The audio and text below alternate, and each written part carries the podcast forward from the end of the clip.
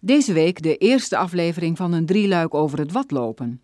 In deze eerste aflevering aandacht voor het begin van het watlopen, dat langzaam uitgroeide tot een echte volkssport. We zullen zowel kennis maken met enkele watlooppioniers als met watlopers van een later tijdstip. Dit is de zelfkant van Nederland, de Wadden.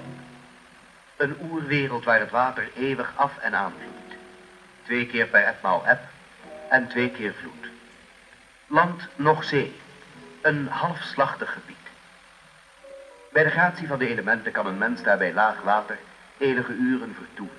Ja, hij kan zelfs over de drooggevallen zeebodem te voet oversteken naar een van de Waddeneilanden, ongeveer 10 kilometer uit de kust.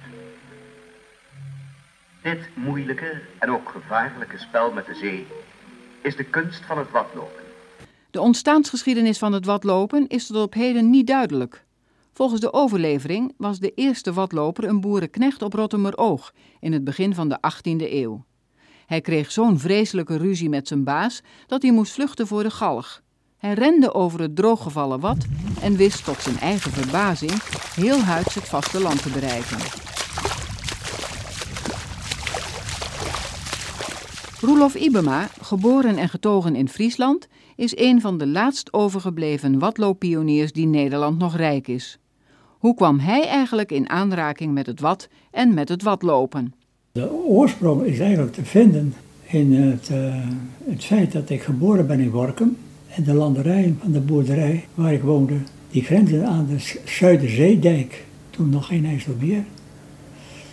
En toen ik later werk kreeg en kwam wonen in Ternaat, woonde ik precies dezelfde afstand van de zee dan voorheen. En, uh, ja, hoe ver ja, was dat? Uh, tot 500 meter. 500 meter. Ongeveer. Dus uh, vanzelfsprekend was ik nieuwsgierig. Hoe ziet het land eruit? Daarachter die zeedijk, internaat. En toen kwam ik in aanraking met uh, de vissersbevolking in Peters Moddergat. En uh, toen werd het mij ook duidelijk, als ik daar iets wilde in dat wat, dan moest ik met die mensen contact hebben. En dat is heel goed gelukt. Dat is vriendschap geworden. En over uh, welke periode hebben we het als u het eerste contact legt? Dat, dat is omstreeks 1953. En uh, toen hebben ze mij ook een beetje ingewijd in de geheimen van het wat. Hoe kom je er en hoe kom je er weer vandaan? Veilig en wel. Kunt u nog iets vertellen over de eerste voorzichtige schreden die u deed op het wat? Nou, dat was in gezelschap met Piet Visser, een zoon van de familie Jan Visser die ging dan wel mee met een bootje naar Ameland. En dan bleven we daar een hele dag. Uh, er werd wat vis gevangen en een uh, wat, wat bot gevangen. Dat was gewoon een, een uitje.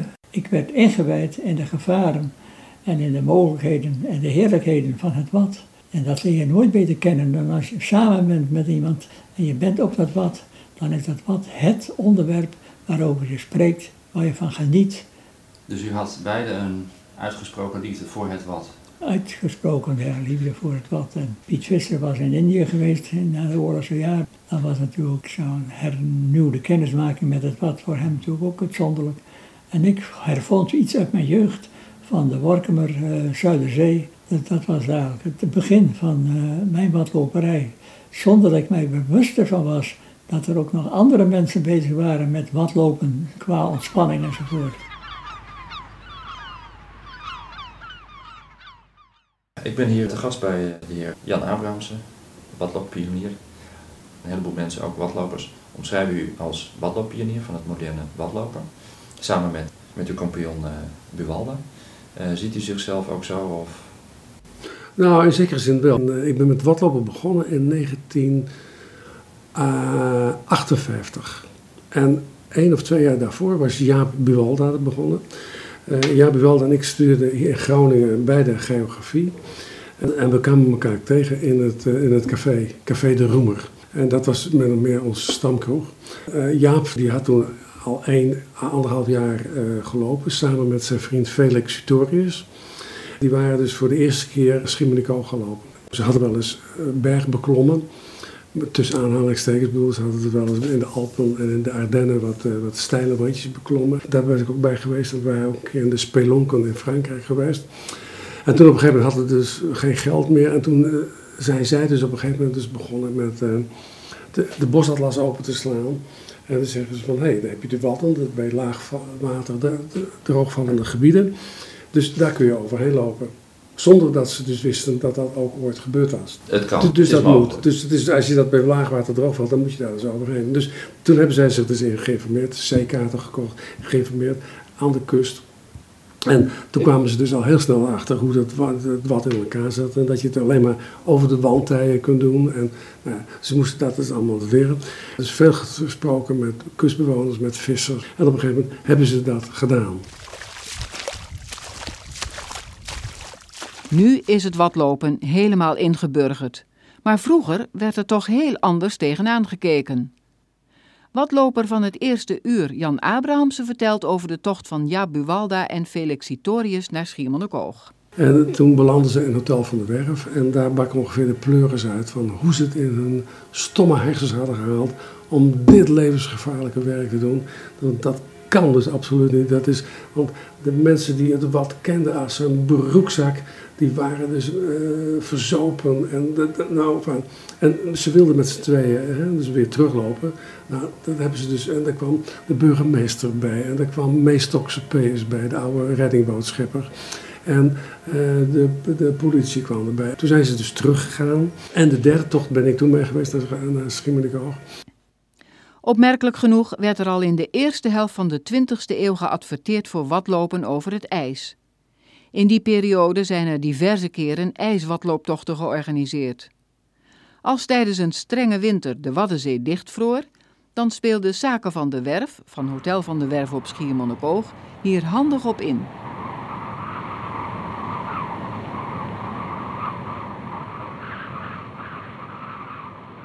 Oude van de Werf, Zaken van de Werf, uh, die was dus een, een sterk bevorderaar van het watlopen over ijs. Die zette in het van het Noorden, zette die zwinters, als het bevroren was, zette die een advertentie. Kom lopen naar Schiermonnikoog over de gemarkeerde route. Met stokjes had hij dat aangegeven. En de eerste kop uh, soep is gratis in Hotel van de Werf. En die kopsoep was heel erg zout. Maar hoe lang uh, deed hij dat al? Nou, dat was dus voor de oorlog al, ver voor de oorlog. Maar dat was dan alleen over het ijs. Hè? Want over het ijs is er dus vaak uh, veel meer gelopen. Maar dat was het soms een mooie vlakke ijsvloer waar soms geschaatst kon worden. Of met sleetjes, of met fietsen, zelfs met auto's is er dus overgevaren naar uh, Schiermonnikoog en Ameland en, en ook naar de Schelling. Maar in de, keer, de enige keer dat ik het gedaan heb in 63, dus de beruchte winter van uh, Reinier Papink, toen was er geen sprake van schaatsen of sleetjes. Het was één brokkelige toestand ervan.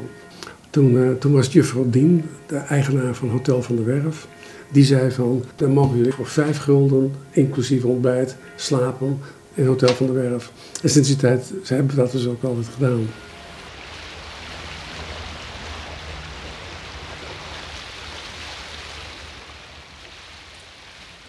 Een van de eerste generatie watlopers is Wim Sikken. Hij is nog steeds actief als lid van watloopvereniging Are Nicola in Groningen. Voor mij is cruciaal geweest het jaar 1963. Toen uh, had je de hele strenge winter, die tot ver in maart duurde. Toen zijn watlopers, onder andere die twee uit Groningen, zijn over het bevroren wat, over het ijs kun je zeggen, gelopen richting Terschelling met de bedoeling om het eiland te halen, maar dat is er niet gelukt. Want ze moesten dus dicht onder het eiland omkeren omdat de vloed opkwam.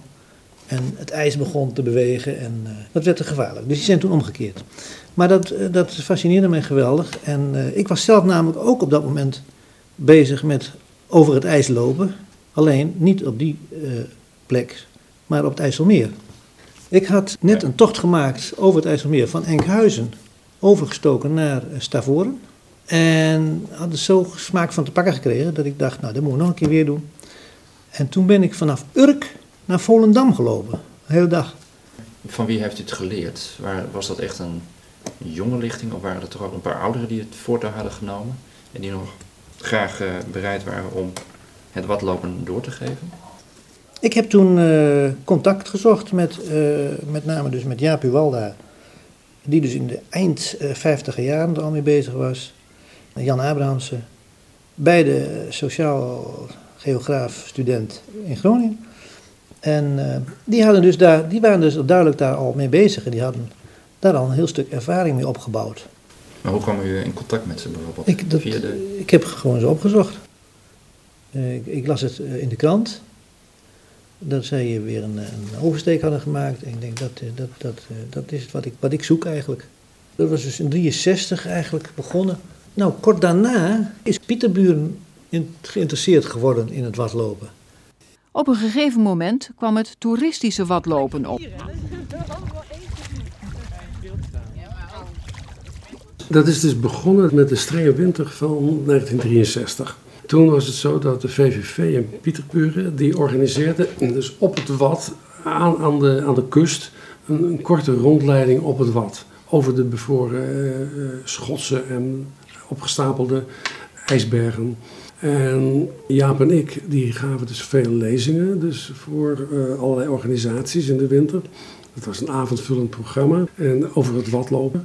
En toen hebben we dus uh, een aantal tochten gemaakt. Eén naar Schiermonnikoog, één naar Ameland. En we hebben drie keer geprobeerd Terschelling te bereiken. Dat is drie keer mislukt, omdat dat niet helemaal bevroren was.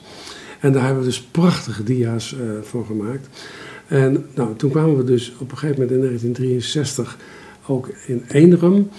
En daar gaven we dus ook een lezing. En daar zat dus een hele grote afvaardiging van die mensen die zwinters dus met die ijstocht eh, hadden gedaan uh, vanuit het VVV.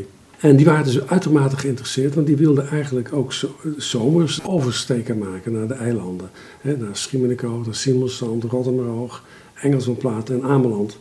En toen heeft Jabi Walda zich daar dus veel mee bezig gehouden om die mensen daar dus een goede voorlichting over te geven. En Hielke en Abel Dijkstra waren daar dus eh, de voormannen van. En, een hele hoop gidsen. Maar Jaap heeft daar dus heel veel tijd dus eh, aan besteed. En die heeft dus daar alle informatie over gegeven. En ze hebben toen zelf ook uh, allerlei andere, dus over het weer moesten ze natuurlijk het nodig weten. EHBO, daar hebben ze dus de, ook voorlichtingen gekregen. En wij hebben ook gidsen opgeleid uit de regio Pieterburen, die ook het vak wilden leren, zal ik maar zeggen. En die zijn dus ook uh, veel met ons mee geweest en wij hebben allerlei tochtjes georganiseerd. En daar kwam dus de beroemde meneer Hielke Dijkstra naar boven drijven. Die, uh, die zag daar helemaal wat, wat in als toeristisch evenement. Die heeft als eerste eigenlijk... Die heeft dat als toeristisch evenement ge, ge, gepusht. In 1963. Toen heeft hij al een watlooptocht georganiseerd vanuit Pieterburen. Een eindje het wat op. Niet ver, maar gewoon, daar kon je aan meedoen. Moest je een paar gulden betalen. En dan had je dus onder leiding van gidsen een watlooptochtje. Het wat op. En weer terug. Maar was iedereen het daarmee eens dat het die kant op een beetje op leek te gaan? Ja, dat, dat, nou, dat, ja, dat was toen natuurlijk nog niet zo duidelijk. Het was ook afwachten of daar genoeg animo voor bestond. En dat, dat bleek wel het geval. Hij was ook uh, correspondent van toen het Nieuwsblad van het Noorden. Dus hij bracht al het nieuws uit zijn dorp en de regio voor de krant. Want dat is de krant van het noorden. Dat, dus dat heeft hij eh, slim opgepakt, ja. En is toen zelf een organisatie begonnen om watlooptochten te organiseren. Hij was zelf ook watloopgids. Hij was meer de organisator, de leider van het geheel. De reclameman en zijn broer die was eigenlijk eh, op het wat meer gids. En ik geloof dat ik uh, daar niks verkeerd mee zeg. En zij zijn toen dus begonnen met de eerste toeristische watlooptochten. Later gevolgd door uh, in Friesland twee uh, organisaties en nog één in het Huizen. En dan had je nog uh, Arie Nicola, begonnen als een studentenwatloopvereniging. Die bestaan allemaal nog, die zijn nog steeds bezig. Het was over het algemeen zo dat, kijk, uit Huizen liep alleen maar naar Rotterdam-Roog. Die twee Friesen die liepen hoofdzakelijk naar Engelsmanplaat en Ameland. En uh, misschien ook wel naar Schiermonnikoog, maar dat weet ik niet helemaal zeker. Maar Pieterburen, die, uh, die, liepen, die liep dus alles. En dat, ja, dat, dat is dus wel eens in elkaar vaarwater gekomen. Maar daar ben ik dus nooit bij geweest. Later is er wel een scheuring geweest bij de, de club in Pieterburen. Want toen is het dus Dijkstra apart gegaan van, van de rest. En toen had je dus plotseling twee watloopclubs in Pieterburen. De, aantallen werden te groot? Of? Nou ja, dat waren natuurlijk gigantische aantallen. Dus met, met mooi weer op, in weekenden, zomers, ja, liepen er soms 10.000 mensen. eh, over, er, zijn, er zijn jaren geweest dat er dus iets van 80.000 mensen overgevoerd zijn per jaar. En dan is watlopen niet leuk meer. Tenminste, in mijn optie dan niet meer. Het leukste van het watlopen, waarom loop je dus wat? Dus A, is het is het avontuur. Hè. Willem Frederik Hermans, dat is een van mijn eh, docenten, die heeft het ooit een keer alpinisme in twee dimensies genoemd. Het is toch een, eh, een uitzoeken met eh, de stromingen, met de getijden, met het weer. Eh, de wind en de windrichting spelen dus een rol. En dan het bodemgesteldheid. En, en dat is A, een uitdaging. Maar in de tweede plaats, het is natuurlijk ook prachtig als je daar dus met twee, drie, vier, vijf, zes mensen zijn. En je bent daar dus nog in een wereld hè, met een straal van 10 kilometer waar je helemaal niemand ziet. En dat is, eh, dat is wel heel erg eh, boeiend. En in het westelijke wat, dus in de buurt van Texel en Vlieland, is die straal nog veel groter. Hè. Dus dat is, eh, dat is 20, 30 kilometer dat je dus inderdaad... eh, Meer water Helemaal. en meer zand en meer. ja, en op jezelf bent aangewezen. En een geweldige ervaring.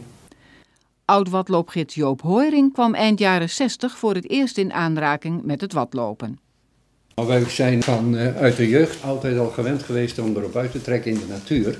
En toen ik een keer in, eh, met collega's eh, die iets hadden georganiseerd, en dat was dan in dit verband de watlopen, ben ik een keer mee geweest. Toen vond ik dat eigenlijk toch wel van die dat ik al vlot daarna op het idee kwam van dat wil ik zelf kunnen.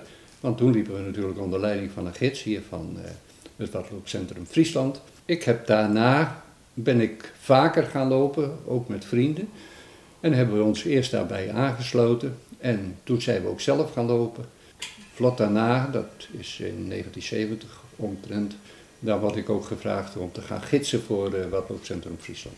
Maar werd er een cursus gegeven toen? Of moest u gewoon meelopen met, eh, met de watloopgids zelf? In die tijd was het zo dat je dus gewoon meeliep en altijd daarover sprak en interesses uitwisselde. En de een wist dit en de andere dat. en de mensen die al wat langer liepen, die hadden zich natuurlijk alweer gedegen voorbereid. En die vertelden ook eh, op grond waarvan eh, zij hun voorbereidingen troffen. eh, weerberichten en eh, kennis van wat en kaart en wat die zweer zijn. Dat het ook niet altijd pais en vree was tussen de watlooppioniers bleek wel uit de zogenaamde scholenstrijd. Deze scholenstrijd speelde zich af tussen de groep Schortinghuis en de groep Buwalda Abrahamse. Men verschilde voornamelijk van mening over welke hulpmiddelen waren toegestaan als men niet in één keer een oversteek kon voltooien.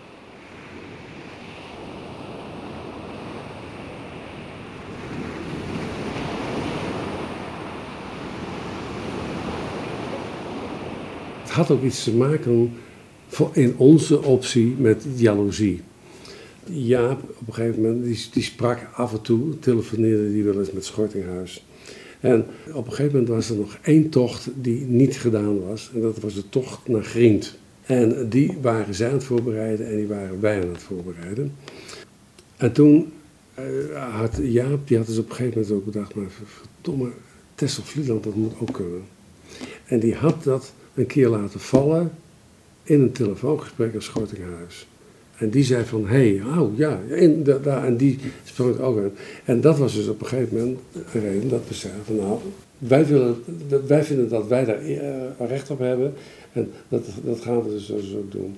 Vandaar ook dat we dat in oktober 62 gedaan hebben. Als het nou een pracht zomer was geweest, dan, hadden we dat veel eerder gedaan. En anders hadden we het ook uitgesteld. Nou, dat, dat hebben we dus, dus toen dus gedaan. En toen heeft dus Schortinghuis dus eh, bedacht van ja, maar dit is geen echt watlopen. Dit is nep watlopen. Want je verliest het contact met de grond. En dat kwam door dat... En dat komt omdat we in een bootje zitten, hè, weliswaar dingen. Maar zij hadden dus een stellage, drie, een driepoot en daar hing dus een soort net in. Waar ze en dan hield je voeling met de bodem. Wij zeiden, nou ja, we hebben ook voeling met de bodem, met die stokken, met een touwtje eraan. ook- Nee, dat was allemaal, eh, dat was niet doen. En dat heeft hij ook zo uitgesproken, want een jaar later hebben zij dat gedaan met Achter het Nieuws, met Koos Postuma. Die, die hebben dat ook gefilmd. En daarin vertelt hij ook dat dit de eerste keer is dat, dus, dat zo is overgestoken. Waarop Postuma zei van ja, maar verleden jaar ja, maar dat stelt niks voor, want het is niet echt, dat was met een bootje. Nou, dat vonden wij dus eigenlijk wel heel erg lullig dat hij dat zo dus, dus zei. Schortinghuis had meer van dit soort kronkels. Hè. Hij zat bij het landbouwschap en hij wou dus ook wel de Waddenzee inpolderen. Daar was hij groot voorstander van. En wij waren dus oprichters van de Waddenvereniging die dat dus niet wilden. Alhoewel, ja, wel, was dus een, eh, een stuk uh, genuanceerder daarin. Maar Schortinghuis, die zei dus op een gegeven moment... Kijk, dat inpolderen, dat moet je net zo zien als watlopen. Met watlopen verras je het tij hè, in één keer... Hè, om dus dan van kust naar eiland te lopen. En met het inpolderen verras je het wat uh, vergoed. Polder je het geen, dan is er geen getij meer. Nou, dit soort kromme redeneringen waren dus door de voorstanders van Schotinghuis van prachtige filosofische benaderingen. Dus dat, uh, en, die, uh, ja, en die vonden het ook maar niks dat wij dus uh, daar dus ook lezingen over geven. Dat moest dus voorbehouden worden aan een klein clubje. Maar uiteindelijk hebben we in 1964 gezamenlijk met de club van Schortinghuis hebben, zijn we naar Gien gelopen. Dit was het eerste deel over het watlopen. Volgende week in aflevering 2 zullen we enkele legendarische tochten nader bekijken.